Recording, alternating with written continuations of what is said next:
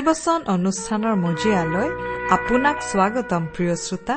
আজিৰে পবিত্ৰ ক্ষণতে উজলি উঠা খ্ৰীষ্টৰ জ্যোতি। প্ৰিয় শ্ৰোতা ভক্তিবচন অনুষ্ঠানৰ আজিৰ এই নতুন কাৰ্যসূচীত আপোনাক আকৌ লগ পোৱাৰ বাবে ধন্যবাদ। বাইবেল শাস্ত্ৰৰ এই শিক্ষাসমূহে আপোনালৈ আশীৰ্বাদ কঢ়িয়াই আনিছে বুলি আশা কৰিছো। এই ভক্তিবচন অনুষ্ঠানত আমি যিজন ঈশ্বৰৰ বিষয়ে শুনিবলৈ পাওঁ তেওঁ অতি পবিত্ৰ ঈশ্বৰ। তেওঁৰ পবিত্ৰতাই ঈশ্বৰত্বৰ মহাগৌৰ তেওঁ কেৱল নিজেই পবিত্ৰ এনে নহয় তেওঁ মানুহকো পবিত্ৰ হবলৈ সহায় কৰে। প্ৰভু যীশুখ্ৰীষ্টৰ ক্ৰুচীয় বলিদানৰ যোগেৰে পাপী মানুহৰ পাপ ধুবলৈ তেওঁ ব্যৱস্থা কৰিলে যাতে সেই বলিদানক বিশ্বাস কৰি পাপমোচন হয় আৰু পাপৰ সাগৰত ডুব গৈ থকা মানুহ পৰিষ্কাৰ আৰু সুচী হয় পবিত্ৰ হয়। অকল সেয়াই নহয় প্ৰতিদিন পবিত্ৰ জীৱন যাপন কৰিবলৈ সহায় কৰিবৰ বাবে তেওঁ পবিত্ৰ আত্মাক এই পৃথিৱীলৈ পঠিয়াই দিছে। সেই পবিত্ৰ আত্মাই আপোনাক সত্যৰ পথে পবিত্ৰতাৰে চলি যাবলৈ সহায় কৰে। এই পবিত্ৰ ঈশ্বৰৰ বিষয়ে আৰু অধিককৈ জানিবলৈ আহক আজিৰ ভক্তিবচন অনুষ্ঠান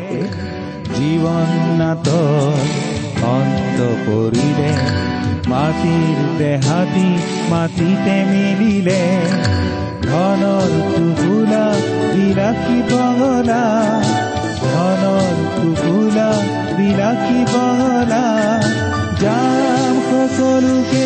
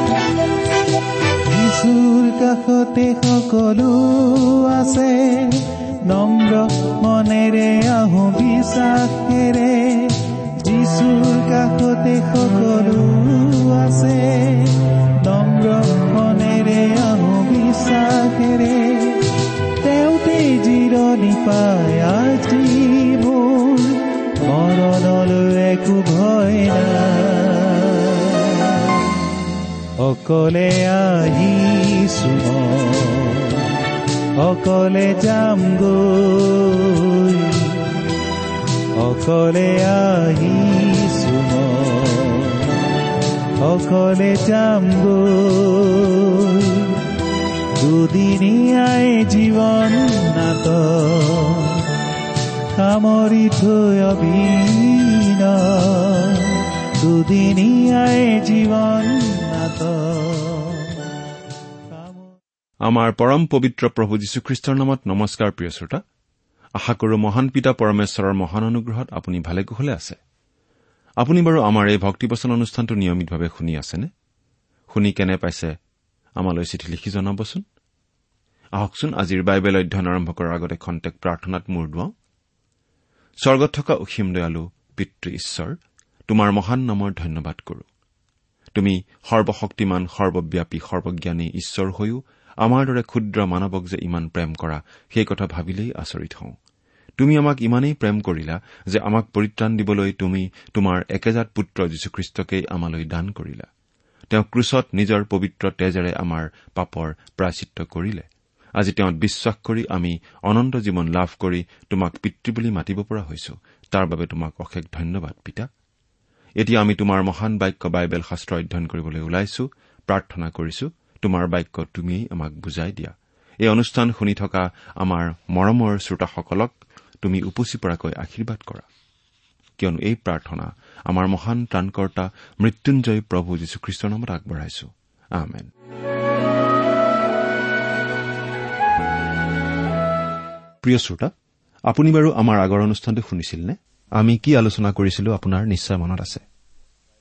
আমি আজি কিছুদিন ধৰি বাইবেলৰ নতুন নিয়ম খণ্ডৰ পৰা থিচলনিকীয়াবিলাকৰ প্ৰতি প্ৰথম পত্ৰ বা চমুকৈ প্ৰথম থিচলনিকীয়া নামৰ পুস্তকখন অধ্যয়ন কৰি আছো। নহয় জানো? আমি যোৱা অনুষ্ঠানত এই পুস্তকৰ দুই নম্বৰ অধ্যায়ৰ শেষৰটো পদলৈকে পঢ়ি আমাৰ অধ্যয়ন আগবঢ়াইছিলো। আজি আমি এই প্ৰথম থিচলনিকীয়া পুস্তকৰ তিনি নম্বৰ অধ্যায়ৰ পৰা অধ্যয়ন আৰম্ভ কৰিব খুজিছো। আশা কৰো আপুনি আপোনাৰ বাইবেলখন মেলি লৈছে। আমি বাইবেলৰ পৰাও পাঠ কৰি যাম আৰু যিমান পাৰো সহজ সৰলভাৱে আলোচনা আগবঢ়াবলৈ চেষ্টা কৰিম। এই প্ৰথম থিচলনিকীয়া পুস্তকখনৰ বিশেষ বিষয়টো হৈছে খ্ৰীষ্টীয় মণ্ডলীৰ উত্তোলন। অৰ্থাৎ খ্ৰীষ্টই যে তেওঁৰ বিশ্বাসী লোকসকলক এই পৃথিৱীৰ পৰা উঠাই লৈ যাব সেই বিষয়টো। আনহাতে দ্বিতীয় থিচলনিকীয়া পুস্তকখনৰ মূল বিষয় হৈছে খ্ৰীষ্টৰ প্ৰকাশ। অৰ্থাৎ এই পৃথিৱীত তেওঁৰ ৰাজ্য স্থাপন কৰি ন্যায় শাসন চলাবলৈ যে প্ৰভু যীশু স্বৰ্গৰ পৰা নামি আহিব সেই কথা। এই দুয়োটা অতি গুৰুত্বপূৰ্ণ তাত্বিক বিষয়। কিন্তু পাচনি পৌলে থিচলনিকীত থকা খ্ৰীষ্টীয় বিশ্বাসীসকলক এই কথাবোৰ অতি ব্যৱহাৰিক দৃষ্টিভংগীৰে ব্যাখ্যা কৰিছে। দৈনন্দিন জীৱনৰ সাধাৰণ কাম কাজবোৰৰ সৈতে এই তত্বৰ যে বিশেষ সম্বন্ধ আছে সেই কথাটো প্ৰকাশ পাই উঠিছে। এই বিষয়ে আজিও নানা ধৰণৰ আলোচনা বিলোচনা চলি থাকে। বিভিন্ন পণ্ডিতে নিজৰ নিজৰ মত নিজৰ নিজৰ ব্যাখ্যা দাঙি ধৰে। কিন্তু আমি প্ৰায়ে দেখিবলৈ পাওঁ যে এই গুৰুত্বপূৰ্ণ বিষয়বোৰ গৈ গৈ ওপৰঞ্চি বিষয় যেনহে হৈ পৰে। যীশুখ্ৰীষ্টৰ দ্বিতীয় আগমনৰ বিষয়টো লৈ মানুহৰ মাজত নানা ধৰণৰ যুক্তি তৰ্ক আলোচনা বিলোচনা আদি হয় ঠিকেই। কিন্তু দৈনন্দিন জীৱনৰ বাবে ইয়াৰ কোনো অৰ্থ নোহোৱা যেন হৈ পৰে। তেওঁলোকে এনেকুৱা কথা নকয় যিবোৰ এই জীৱনৰ সৈতে জড়িত কৰিব পাৰি আমাৰ দৈনন্দিন জীৱনৰ সৈতে। কিন্তু পাচনি পৌলে যিদৰে শিকাইছিল সেই শিক্ষা আছিল সম্পূৰ্ণ বেলেগ ধৰণৰ। এতিয়া আমি যিটো অধ্যায়ৰ অধ্যয়ন আৰম্ভ কৰিম অৰ্থাৎ তৃতীয় অধ্যায়টোৰ মূল বিষয় হৈছে খ্ৰীষ্টৰ পুনৰাগমন আমাক পবিত্ৰ বা শুদ্ধ কৰাৰ আশা। খ্ৰীষ্টৰ পুনৰাগমনৰ চিন্তাটোৱে আমাৰ জীৱন সলনি কৰিব। আমাৰ ধৰণকৰণ চলন ফুৰণত প্ৰভাৱ পেলাব। যদিহে খ্ৰীষ্টীয় মণ্ডলীক এই পৃথিৱীৰ পৰা তুলি লৈ যাবলৈ যীশুখ্ৰীষ্ট যে অচিৰেই আহিব এই কথাটো আমি মনত ৰাখো তেন্তে আমাৰ জীৱন পৰিৱৰ্তিত হবই। এই চিন্তাটোৱে যদিহে আমাৰ জীৱনত কোনো ধৰণৰ প্ৰভাৱ নেপেলায় তেনেহলে আমি এই কথা বিশ্বাস কৰা লোকেই নহয়। অৰ্থাৎ খ্ৰীষ্ট যে আমাক নিবলৈ আহিব সেই কথাটো আমি বিশ্বাস নকৰো। এইটো অপ্ৰিয় হলেও সত্য যে যদিহে প্ৰভু যীশুৰ পুনৰাগমনৰ চিন্তাটোৱে আমাৰ জীৱনত কোনো প্ৰভাৱ নেপেলায় তেনেহলে আমি আচলতে সেই কথাটো সঁচা বুলি বিশ্বাস নকৰো বুলিহে চিনাকি দিয়া হ'ব। এই কথাটো আমাৰ বাবে এটা তত্ত বা দৰ্শন মাত্ৰ হৈ থাকিব। কিন্তু প্ৰভু যীশুৱে আমাক লৈ যাবলৈ পৃথিৱীলৈ উভতি আহিব বুলি যদি আমি সঁচাকৈ বিশ্বাস কৰো তেন্তে আমাৰ জীৱন সলনি হবই। এই কথাটোৱে আমাৰ জীৱনত প্ৰভাৱ পেলাবই। এই বিষয়টো আচলতে এই প্ৰথম থিচলনিকীয়া পুস্তকখনৰ মূল বিষয়। এই বিষয়টো আমি গোটেই তিনি নম্বৰ অধ্যায় আৰু চাৰি নম্বৰ অধ্যায়ৰ বাৰ নম্বৰ পদলৈকে পাম। এতিয়া বাইবেলৰ পৰা পাঠ কৰি দিছো। প্ৰথম থিচলনিকীয়া তিনি নম্বৰ অধ্যায়ৰ প্ৰথম পদ। তাৰ কাৰণে আমি আৰু সহিব নোৱাৰি আঠিনী নগৰত অকলেই থাকিবলৈ ভাল দেখি পাচনি পৌলে থিচলনিকিলৈ আহিবলৈ খুব ইচ্ছা কৰিও আহিব পৰা নাছিল। গতিকে তেওঁ আঠিনী নগৰতে অকলে থাকি তিমঠিয় আৰু লগতে খুব সম্ভৱ চিল আৰু লোক আৰু আন আন বিশ্বাসী ভাই কিছুমানক থিচলনিকিলৈ পঠিয়াইছিল। তাৰ কাৰণে এই দৰকাৰী শব্দ দুটাই এই অধ্যায়টোক পাচনি পৌলে আগতে কৈ থকা কথাখিনিৰ লগত সাঙুৰি দিছে। সেই কথাখিনিনো বাৰু কি? সেইটো হৈছে থিচলনিকিয়াৰ খ্ৰীষ্টীয় মণ্ডলীত বিৰাজ কৰা মধুৰ সম্বন্ধৰ কথা। পৰিয়ালৰ লোকৰ মাজত থকা সম্বন্ধৰ নিচিনা। পাচনি পৌল সেই মণ্ডলীৰ ভাই ভনীসকলৰ কাৰণে মাতৃসদৃশ আছিল পিতৃসদৃশো আছিল আৰু আপোন ভাইৰ নিচিনা আছিল। তেওঁলোকৰ আগত খ্ৰীষ্টৰ শুভবাৰ্তা ঘোষণা কৰি তেওঁৱেই তেওঁলোকক খ্ৰীষ্টলৈ আনিছিল। তেওঁ তেওঁলোকক অতিশয় ভাল পাইছিল। তেওঁ এই বুলিও কৈছে যে প্ৰভু যীশুৰ পুনৰ আগমনৰ সময়ত প্ৰভু যীশুৰ আগত নিজৰ নিজৰ পুৰস্কাৰ গ্ৰহণ কৰিবলৈ খ্ৰীষ্টীয় বিশ্বাসীসকল গোট খোৱাৰ সময়ত তেওঁলোকেই তেওঁৰ বাবে আনন্দ আৰু গৌৰৱৰ বিষয় হ'ব। পাচনি পৌলে থিচলনিকিয়াৰ ভাই ভনীসকলৰ মাজত মাত্ৰ কিছুদিন থাকি সেই ঠাই এৰি আহিব লগা হৈছিল। কিন্তু শাৰীৰিকভাৱে আঁতৰি থাকিলেও তেওঁৰ মনটো তেওঁলোকৰ লগত আছিল আৰু তেওঁলোকৰ মাজলৈ যাবলৈ খুব ইচ্ছা কৰিছিল। তেওঁ কেইবাবাৰো যাবলৈ ইচ্ছা কৰিও যাব পৰা নাছিল কাৰণ ছয়তানে বাধাৰ সৃষ্টি কৰিছিল। তেওঁ থিচলনিকি খুব খৰখেদাকৈ এৰি থৈ আহিব লগা হোৱাত কিছুমান দৰকাৰী আৰু গুৰুত্বপূৰ্ণ বিষয় ভালদৰে বুজাই দিয়াৰ সুবিধা তেওঁ পোৱা নাছিল। সেইবাবেও তেওঁ তেওঁলোকৰ মাজলৈ উভতি যাব খুজিছিল। তেওঁ তেওঁলোকৰ ভৱিষ্যতৰ বিষয়েও চিন্তিত হৈ আছিল। তেওঁ তেওঁলোকক সান্তনা দিব বিচাৰিছিল। মুঠতে তেওঁলোকৰ প্ৰতি থকা প্ৰেমৰ ভাৱ তেওঁৰ চিঠিখনত প্ৰকাশ পাইছে। প্ৰেম মানে কেৱল এটা ভাল পোৱাৰ ভাৱ নহয় বা মনটো এনেই অলপ ভাল লগাটো নুবুজায়। প্ৰেমে সদায় আনৰ ভাল হোৱাটো কামনা কৰে। আনৰ প্ৰতি এনেদৰেই প্ৰেম প্ৰকাশ কৰা হয়। যদিহে আপুনি কোনো লোকক প্ৰেম কৰে তেন্তে সেই লোকৰ হিতৰ কথা মংগলৰ কথাই আপুনি চিন্তা কৰিব আৰু প্ৰয়োজন হলে আনকি সেই লোকজনৰ কাৰণে নিজৰ জীৱন বিপন্ন কৰিবলৈও কুণ্ঠাবোধ নকৰিব। নহয়নে বাৰু? দুই আৰু তিনি নম্বৰ পদ। সেইবোৰ ক্লেশত তোমালোকৰ কোনেও যেন চঞ্চল নহয়। এইকাৰণে তোমালোকক সুস্থিৰ কৰিবলৈ আৰু তোমালোকৰ বিশ্বাসৰ কথাত তোমালোকক আশ্বাস দিবলৈ খ্ৰীষ্টৰ শুভবাৰ্তাত ঈশ্বৰৰ পৰিচাৰক আমাৰ ভাইজী তিমঠিয় তেওঁক তোমালোকৰ ওচৰলৈ পঠাইছিলো। কাৰণ আমি ক্লেশৰ নিমিত্তে নিযুক্ত হৈছো। ইয়াক তোমালোকে নিজে জানা। তেওঁলোকৰ প্ৰতি পৌলৰ বিশেষ চিন্তা থকা কাৰণেই তেওঁ নিজে আহিব নোৱাৰি তিমঠিয়ক তেওঁলোকৰ ওচৰলৈ পঠিয়াইছিল। তেওঁ তিমঠিয়ক খ্ৰীষ্টৰ শুভবাৰ্তাত ঈশ্বৰৰ পৰিচাৰক আমাৰ ভাই এই বুলি কৈছে। পৰিচাৰক শব্দটোৰ মূল গ্ৰীক শব্দটো হৈছে ডায়কনছ। আৰু এই ডায়কনছ শব্দৰ পৰাই আমি ডিকন শব্দটো পাইছো। এই শব্দটোৰ আচলতে অৰ্থ হৈছে দাস বা সেৱক। খ্ৰীষ্টৰ শুভবাৰ্তাত ঈশ্বৰৰ পৰিচাৰক। অৰ্থাৎ সেৱাৰ বিষয়টো হৈছে খ্ৰীষ্টৰ শুভবাৰ্তা। পৌলে কেৱল কিছুমান জনহিতকৰ কাম বা কিছুমান সৎ কাম কৰাকেই খ্ৰীষ্টীয় জীৱনৰ মূল উদ্দেশ্য হিচাপে লোৱা নাছিল। বহু সময়ত আমাক কিছুমান লোকে সমালোচনা কৰে কাৰণ আমি কেৱল ঈশ্বৰৰ বাক্য বিলোৱা কামটোত অধিক গুৰুত্ব দিওঁ। কিন্তু এই কামটোৱেই আচলতে মুখ্য কাম। সামাজিক দিশত বেছি গুৰুত্ব নিদিয়াৰ কাৰণে আমাক কোনো কোনো লোকে সমালোচনা কৰিব পাৰে। কিন্তু আমি এটা কথা মনত ৰখা উচিত। মুখ্য কামটো হৈছে ঈশ্বৰৰ বাক্যৰ পৰিচৰ্যা পৃথিৱীৰ সকলো ঠাইতেই আমি এটা কথা লক্ষ্য কৰো যে ঈশ্বৰৰ বাক্য সঠিক ৰূপে যদি ঘোষণা কৰা হয় তেনেহলে বাকী জনহিতকৰ কামবোৰো সুকলমে হয়। আচলতে খ্ৰীষ্টৰ শুভবাৰ্তাৰ পৰাই বহুতো বিশ্ববিখ্যাত সামাজিক কল্যাণমূলক কাৰ্যসূচীৰ আৰম্ভণি ঘটে। অৰ্থাৎ খ্ৰীষ্টৰ শুভবাৰ্তাটো মূল বিষয় বাকীবোৰ আপোনা আপুনি হয়। বিখ্যাত প্ৰচাৰক ৱেছলিৰ পৰিচৰ্যাৰ ফলশ্ৰুতি হিচাপেই শিশু শ্ৰমিকৰ কল্যাণৰ আঁচনিৰ জন্ম হৈছিল। আজিৰ শ্ৰমিক কল্যাণৰ সকলোবোৰ কাৰ্যসূচী সকলোবোৰ আঁচনিৰ আচলতে মূল আৰম্ভণি আছিল জন ৱেছলিৰ পৰিচৰ্যা। জন ৱেছলিয়ে ঈশ্বৰৰ বাক্যৰ পৰিচৰ্যা কৰিছিল। ঈশ্বৰৰ বাক্য তেওঁ বিলাই গৈছিল আৰু তাৰ ফলশ্ৰুতিতেই এনেকুৱা জনকল্যাণমূলক কাৰ্যসূচীবোৰৰ জন্ম হৈছিল। ঈশ্বৰৰ বাক্য প্ৰচাৰ হোৱাৰ লগে লগে নানান ভিতৰুৱা ঠাইত চিকিৎসালয় স্থাপিত হৈ আহিছে বা ভাল ভাল স্কুল কলেজ স্থাপিত হৈ আহিছে।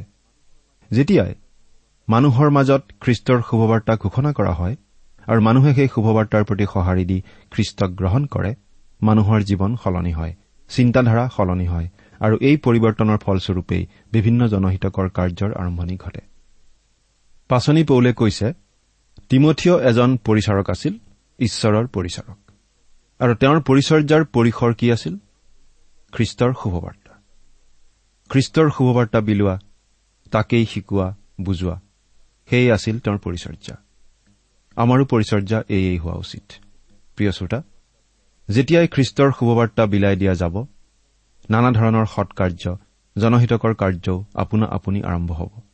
সেই কাম মানুহৰ অন্তৰৰ পৰাই ওলাই আহিব কাৰণ খ্ৰীষ্টৰ শুভবাৰ্তাই মানুহৰ হৃদয়ৰ পৰিৱৰ্তন ঘটায়।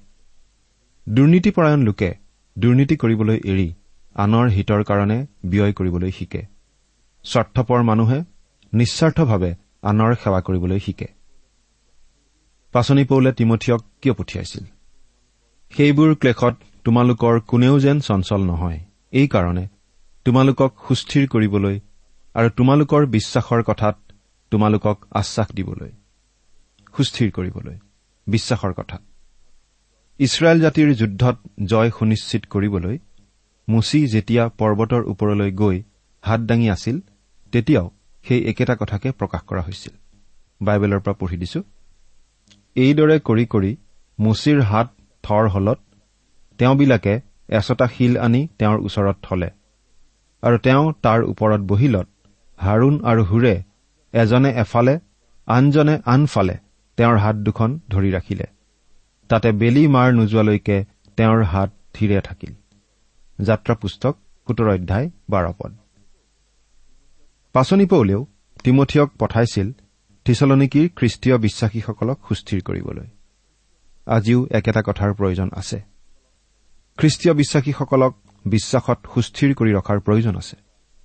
মণ্ডলীৰ চলাওঁতা নেতাসকলে এই দায়িত্ব পালন কৰি থকা উচিত। আৰু এই দায়িত্ব পালন কৰাত তেওঁলোকক আনসকলে সহায় কৰা উচিত। বিশ্বাসৰ কথাত তোমালোকক আশ্বাস দিবলৈ। আশ্বাস দিয়া মানে উদগনি দিয়া সাহস দিয়া। বিশ্বাসত দৃঢ়ভাৱে থাকিবলৈ সহায় কৰা। পৌলে তিমঠিয়ক পঠিয়াইছিল যাতে তেওঁ থিচলেনিকীয়া বিশ্বাসীসকলক বিশ্বাসত সুস্থিৰ কৰে আৰু আশ্বাস দিয়ে। কিয় বাৰু? যাতে সেইবোৰ ক্লেশত তোমালোকৰ কোনেও যেন চঞ্চল নহয়। ক্লেশত যাতে কোনোজন বিশ্বাসী অস্থিৰ নহয় চঞ্চল নহয় বা অপথে নাযায়। বা হতাশ হৈ দুৰ্বল হৈ নাযায়। ক্লেশ মানে হ'ল নানা ধৰণৰ দুখ কষ্ট নানা ধৰণৰ হেঁচা নানা ধৰণৰ দুশ্চিন্তা। এইখিনিতে পৌলে আৰু এটা গুৰুত্বপূৰ্ণ কথা কৈছে। কাৰণ আমি ক্লেশৰ নিমিত্তেই নিযুক্ত হৈছো। ইয়াক তোমালোকে নিজেই জানা। এই কথাখিনি আমাৰ হজম কৰিবলৈ অলপ টান লাগে। কিন্তু এইটো এটা কঠিন বাস্তৱ। খ্ৰীষ্টীয় বিশ্বাসী হিচাপে আমি ক্লেশৰ সন্মুখীন হবই লাগিব। নানা ঢৌ ধুমুহাৰ মাজেদি আমি পাৰ হৈ যাব লাগিব। কিন্তু সেই সকলো ক্লেশ সকলো ঢৌ ধুমুহা অস্থায়ী। কিন্তু আমি সেইবোৰৰ সন্মুখীন নোহোৱাকৈ থাকিব নোৱাৰো। এই পৃথিৱীত থকালৈকে আমি দুখ ক্লেশ আদিৰ সন্মুখীন হবই লাগিব। এই কথাটো আমি বাইবেলত বাৰে বাৰে পাওঁ। প্ৰভু যীশুৱে শিষ্যসকলক কৈছিল তোমালোকে মুঠ যেন শান্তি পোৱা এইকাৰণে এইবোৰ কথা তোমালোকক কলো। জগতত তোমালোকৰ ক্লেশ আছে। কিন্তু নিৰ্ভয় হোৱা। ময়েই জগতক জয় কৰিলো। জোহন ষোল্ল অধ্যায় তেত্ৰিশ পদ। আনকি দুখ কষ্ট তাৰণাৰ সময়তো আমাক আনন্দ কৰিবলৈ কোৱা হৈছে। প্ৰিয় শ্ৰোতা যদি আপুনি প্ৰভু যীশুক ত্ৰাণকৰ্তা বুলি গ্ৰহণ কৰিছে তেনেহলে আপুনি ক্লেশৰ পৰা হাত সাৰিব নোৱাৰে। খ্ৰীষ্টক গ্ৰহণ কৰা মানে দুখ কষ্ট নাইকিয়া হৈ যোৱাক নুবুজায়। বৰং খ্ৰীষ্টক গ্ৰহণ কৰা মানে দুখ কষ্টৰ সন্মুখীন হবই লাগিব সেইটোহে নিশ্চিত হয়। আগতে হয়তো আপোনাৰ কোনো ধৰণৰ দুখ ক্লেশ নাছিল কিন্তু খ্ৰীষ্টক গ্ৰহণ কৰাৰ পাছত দুখ ক্লেশৰ সন্মুখীন হবই লাগিব। কেতিয়াবা নহয় কেতিয়াবা কিবা নহয় কিবা প্ৰকাৰে। প্ৰভু যীশুৱে কতো প্ৰতিজ্ঞা কৰা নাই যে তেওঁক গ্ৰহণ কৰিলে আমি সকলো দুখ ক্লেশৰ পৰা হাত সাৰিম বৰং আমি দুখ ক্লেশ পাম বুলিহে তেওঁ জনাই দিছে। কিন্তু তেওঁ এটা কথা আমাক নিশ্চিতভাৱে কৈছে যে তেওঁ আমাক কেতিয়াও ত্যাগ নকৰে। ঢৌ ধুমুহাৰ মাজতো তেওঁ আমাৰ লগতেই থাকে আৰু ঢৌ ধুমুহাৰ মাজেৰে নিৰাপদে আমাৰ নাও তেওঁ সিপাৰলৈ লৈ যায়। বাইবেলত এই কথা লিখা হৈছে বাস্তৱিক খ্ৰীষ্ট যীশুত ভক্তিভাৱে জীৱন ধাৰণ কৰিবলৈ ইচ্ছা কৰা সকলোবিলাকে তাৰণা পাব। দ্বিতীয় তিমঠীয় তিনি অধ্যায় বাৰ পদ। ইয়াত কোনো সন্দেহ নাই কোনো চৰ্ত নাই। মুঠতে খাটাংভাৱে লিখা হৈছে খ্ৰীষ্ট যীশুত কোনোবাই যদি ভক্তিপূৰ্ণভাৱে ধাৰ্মিকভাৱে জীৱন কটাবলৈ চেষ্টা কৰে তেওঁ তাৰণাৰ সন্মুখীন হবই লাগিব। একেধৰণৰ কথাই আমি পাওঁ প্ৰথম পিতৰ চাৰি অধ্যায় বাৰৰ পৰা ঊনৈশ পদত। প্ৰথম পিতৰ চাৰি অধ্যায় বাৰৰ পৰা ঊনৈশ পদত। প্ৰিয় শ্ৰোতা আচলতে যদি আকাশত কোনো ডাৱৰ নাই সাগৰত কোনো ঢৌ নাই সকলো পিনে শান্ত তেতিয়াহে আমি চিন্তা কৰা উচিত। যদি আমাৰ জীৱনত কেতিয়াও কোনো ধৰণৰ বাধা কোনো ধৰণৰ তাৰণা বা দুখ ক্লেশ অহা নাই তেতিয়া আমাৰ সন্দেহ হোৱা উচিত। আমি সঁচাকৈয়ে পৰিত্ৰাণ পালোনে? সঁচাকৈয়ে প্ৰভু যীশুক গ্ৰহণ কৰি ঈশ্বৰৰ সন্তান হলোনে? কিন্তু যদিহে আমাৰ জীৱনলৈ তাৰণা আহে আমি নিজকে ঈশ্বৰৰ সন্তান বুলি নিশ্চিত হ'ব পাৰো। আচলতে এনেধৰণৰ তাৰণাৰ যোগেদিয়েই ঈশ্বৰে আমাক তেওঁত ভৰসা কৰিবলৈ শিকায়। এতিয়া চাৰি নম্বৰ পদটো পাঠ কৰি দিছো। কিয়নো আমালৈ ক্লেশ ঘটিব বুলি আগেয়ে আমি তোমালোকৰ লগত থাকোতেই কৈছিলো। পাছে সেইদৰেই ঘটিল আৰু তোমালোকে তাক জানা। পাচনি পৌলে আগতেই জনাই দিছিল যে তেওঁলোকলৈ ক্লেশ ঘটিব। সেই কথা তেওঁ জানিছিল কাৰণ খ্ৰীষ্টত বিশ্বাস কৰাৰ পাছত ক্লেশৰ সন্মুখীন হ'ব লগা হয় বুলি তেওঁ জানিছিল। আৰু সেই কথা তেওঁ টিচলনিকীয়া বিশ্বাসী ভাই ভনীসকলক আগতেই জনাইছিল। আৰু ঠিক সেইদৰেই ঘটিছিল। সেই কথা তেওঁ এতিয়া সোঁৱৰাই দিছে। আমাৰ জীৱনলৈ ঈশ্বৰে দুখ ক্লেশ তাৰণা আদি আহিবলৈ দিয়ে যাতে আমি তেওঁৰ ওচৰ চাপি যাওঁ। আমাৰ পবিত্ৰীকৰণ ঘটিবলৈ ঈশ্বৰে আমাৰ জীৱনলৈ এইবোৰ আহিবলৈ দিয়ে। প্ৰতিজন খ্ৰীষ্টীয় বিশ্বাসীক বিশ্বাসত অধিক দৃঢ় কৰিবলৈও তাৰণা আহিবলৈ তেওঁ দিয়ে। সেইবাবে তাৰণাৰ সময়ত আমি হতাশ নহৈ বা অস্থিৰ নহৈ তেওঁৰ কাষ চাপি অহা উচিত। কাৰণ এনে তাৰণা ক্লেশ আদি অস্থায়ী আৰু এই সকলো ধৰণৰ দুৰ্যোগৰ সময়ত আমাৰ মৰমৰ ত্ৰাণকৰ্তা প্ৰভু যীশু আমাৰ লগতেই থাকে। পাঁচ নম্বৰ পদ। ইয়াত আমি এনেদৰে পাওঁ। সেইকাৰণেই ময়ো আৰু সহিব নোৱাৰি। কিজানি পৰীক্ষকে তোমালোকৰ পৰীক্ষা কৰাতে আমাৰ পৰিশ্ৰম ব্যৰ্থ হয়। এইকাৰণে তোমালোকৰ বিশ্বাস জানিবলৈ পঠাইছিলো। পৰীক্ষক। পৰীক্ষক মানে কোন? পৰীক্ষক মানে আন কোনো নহয় ছয়তান দুই নম্বৰ অধ্যায়ত আমি পঢ়িবলৈ পাইছিলো। পাচনি পৌলে লিখিছিল ছয়তানে আমাৰ বাধা জন্মালে। আন কথাত তেওঁ সেই থিচলেনিকীয়া বিশ্বাসীসকললৈ লিখিছে ছয়তানে আমাক খুব আমনি কৰি আছে। আমি অলপ চিন্তা কৰি আছো কিজানিবা ছয়তানে তোমালোক সকলোকে দিগদাৰি দি আছে? পাচনি পৌলে থিচলেনিকিয়াৰ খ্ৰীষ্টীয় বিশ্বাসীসকলৰ কথা বিশেষভাৱে চিন্তা কৰিছিল কাৰণ তেওঁলোক আছিল নতুন বিশ্বাসী। তেওঁলোক আম্মিকভাৱে বেছি পৰিপক্ক হোৱাই নাছিল। গতিকে ছয়তানে তেওঁলোকৰ মাজত খেলি মেলি লগাব পাৰে বুলি তেওঁ ভয় কৰিছিল। আচলতে ক্লেশ তাৰণা আদিৰ সময়তেই আমাৰ খ্ৰীষ্টীয় বিশ্বাস প্ৰকৃত বিশ্বাস হয় নে নহয় সেই কথাটো প্ৰকাশ পায়।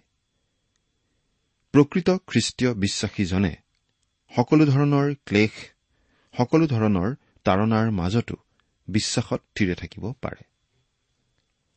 এতিয়া আমি পাঠ কৰি দিব খুজিছো ছয় নম্বৰ আৰু সাত নম্বৰ পদ একেলগে। ইয়াত এনেদৰে পাওঁ। কিন্তু এতিয়া তিমঠিয়ই তোমালোকৰ তাৰ পৰা আমাৰ ইয়ালৈ আহি তোমালোকৰ বিশ্বাস আৰু প্ৰেমৰ কথা আৰু আমি যিদৰে তোমালোকক দেখিবলৈ বৰ ইচ্ছা কৰো তোমালোকেও যে সেইদৰে আমাক দেখিবলৈ বৰ ইচ্ছা কৰি আমাক সদায় ভালমতে সুঁৱৰি আছা এই সকলোৰ সুসংবাদ আনিলত। সেই ভাইবিলাক আমি তোমালোকৰ বিশ্বাসৰ দ্বাৰাই আমাৰ সকলো দুখ আৰু ক্লেশত তোমালোকৰ বিষয়ে সান্তনা পালো। তিমঠিয়ই থিচলনিকিৰ পৰা আহি পাচনি পৌলক সকলো খবৰ জনালেহি। থিচলনিকিৰ খ্ৰীষ্টীয় বিশ্বাসীসকলৰ বিষয়ে খুব ভাল কথা তেওঁ জনালে। অৰ্থাৎ তিমঠিয়ৰ পৰা পাচনি পৌলে থিচলনিকিৰ খ্ৰীষ্টীয় বিশ্বাসীসকলৰ বিষয়ে ভাল কথা শুনিবলৈ পালে। তেওঁলোকৰ বিশ্বাস আৰু প্ৰেমৰ কথা শুনিবলৈ পালে। তেওঁলোকৰ ওচৰলৈ যাবলৈ পৌলে যেনেকৈ খুব হাবিয়াস কৰি আছে তেনেকৈ পৌলক লগ পাবলৈ তেওঁলোকেও খুব ইচ্ছা কৰি থকা বুলি তেওঁ শুনিবলৈ পালে। তেওঁলোকৰ বিষয়ে এই সুসংবাদ শুনি নানান দুখ ক্লেশৰ মাজতো তেওঁ অন্তৰত সান্তনা পালে বুলি ইয়াত জনাইছে। এৰা যাক আমি ভাল পাওঁ তেওঁৰ ভাল খবৰ শুনিলে আমাৰ আনন্দ লাগিবই। আমি নিজৰ দুখ কষ্টও পাহৰি যাওঁ যেতিয়া আমি ভালপোৱাজনৰ বিষয়ে কিবা সুসংবাদ পাওঁ। নহয়নে বাৰু? এতিয়া আঠ নম্বৰ পদটো পঢ়ি দিছো। কিয়নো এতিয়া যদি তোমালোকে প্ৰভূত থিৰে আছা তেনেহলে আমি জিলো। আমি জিলো মানে বাৰু পাচনি পৌলে কি বুজাইছে? আমি জিলো মানে তেওঁ বুজাব খুজিছে যে তেওঁলোকে এতিয়া খ্ৰীষ্টীয় বিশ্বাসী হিচাপে জীৱন উপভোগ কৰিব পাৰে। ইয়াত আচলতে যদি শব্দটো যিহেতু বুলি লিখিলেহে অধিক অৰ্থবহ হ'ব। যিহেতু তোমালোকে প্ৰভূত থিৰে আছা। আনকি দুখ ক্লেশৰ সময়তো আমি আমাৰ জীৱন উপভোগ কৰিব পাৰিছো। কাৰণ তোমালোক প্ৰভূত থিৰে আছা বুলি আমি গম পালো। পাচনি পৌলে ঠিক এনেকুৱা এটা ভাৱ ইয়াত প্ৰকাশ কৰিছে। প্ৰভূত থিৰে থকা মানে খ্ৰীষ্টীয় বিশ্বাসত থিৰে থাকি প্ৰভু যীশুতেই ভৰসা কৰি অলৰ হৈ থকাকেই বুজা যায়। যদিহে আমি প্ৰভু যীশুত থিৰে থাকো আমি আমাৰ খ্ৰীষ্টীয় জীৱন প্ৰকৃত অৰ্থত উপভোগ কৰিব পাৰো। আনকি নানাবিধ দুখ তাৰণাৰ সময়তো। সাধু পিতৰে এই কথাকেই এনেদৰে লিখিছিল প্ৰথম পিতৰ চাৰি নম্বৰ অধ্যায়ৰ বাৰ আৰু তেৰ নম্বৰ পদত। পাঠ কৰি দিছো। হে প্ৰিয়বিলাক তোমালোকৰ পৰীক্ষাৰ অৰ্থে তোমালোকৰ মাজত যি জুই জ্বলিছে সেয়ে তোমালোকলৈ অসম্ভৱ ঘটনা ঘটিছে বুলি তাৰ বিষয়ে তোমালোকে আচৰিত নামানিবা।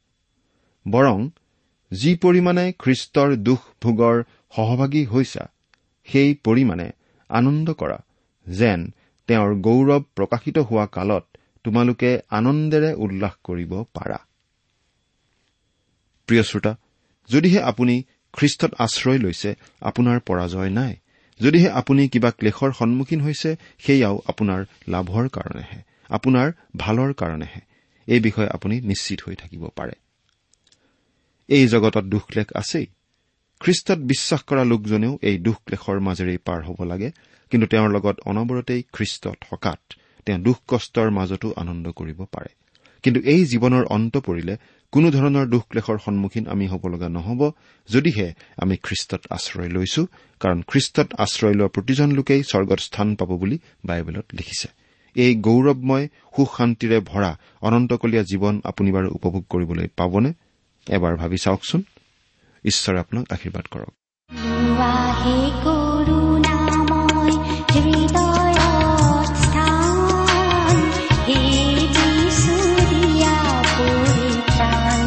ইমান পৰে আপুনি বাইবেল শাস্ত্ৰৰ পৰা ঈশ্বৰৰ বাক্য শুনিলে। এই বিষয়ে আপোনাৰ মতামত জানিবলৈ পালে আমি নথৈ আনন্দিত হ'ম।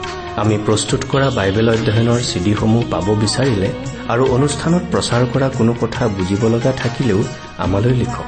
আমাৰ যোগাযোগৰ ঠিকনা ভক্তিবচন ট্ৰান্সৱৰ্ল্ড ৰেডিঅ' ইণ্ডিয়া ডাক বাকচ নম্বৰ সাত শূন্য গুৱাহাটী সাত আঠ এক শূন্য শূন্য এক। ঠিকনাটো আকৌ এবাৰ কৈছো ভক্তিবচন ট্ৰান্সৱৰ্ল্ড ৰেডিঅ' ইণ্ডিয়া ডাক বাকচ নম্বৰ সাত শূন্য গুৱাহাটী সাত আঠ এক শূন্য শূন্য এক আমাৰ ইমেইল এড্ৰেছটো হৈছে Assamese T TV at the rate radio' eight eight two dot com. আমাৰ website W W W dot T W R dot in. আপুনি টেলিফোনৰ মাধ্যমেৰেও আমাক যোগাযোগ কৰিব পাৰে। আমাৰ টেলিফোন নম্বৰটো হৈছে nine eight five four zero' four zero' eight eight nine.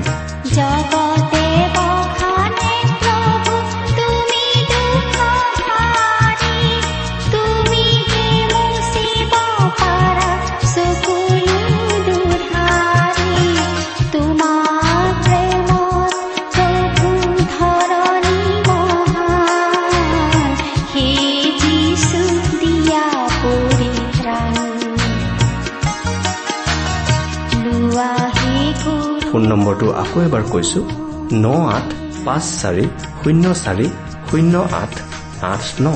আপুনি এই ভক্তিবচন অনুষ্ঠানটি আমাৰ website W W W dot radio' eight eight two dot কমতো শুনিব পাৰিব। আজিৰ অনুষ্ঠানটি ইমানতেই সামৰিছো। ঈশ্বৰৰ শান্তি আৰু অনুগ্ৰহ আপোনাৰ লগত থাকক। ধন্যবাদ। পাপৰ কালি লগা যিখনি 爸爸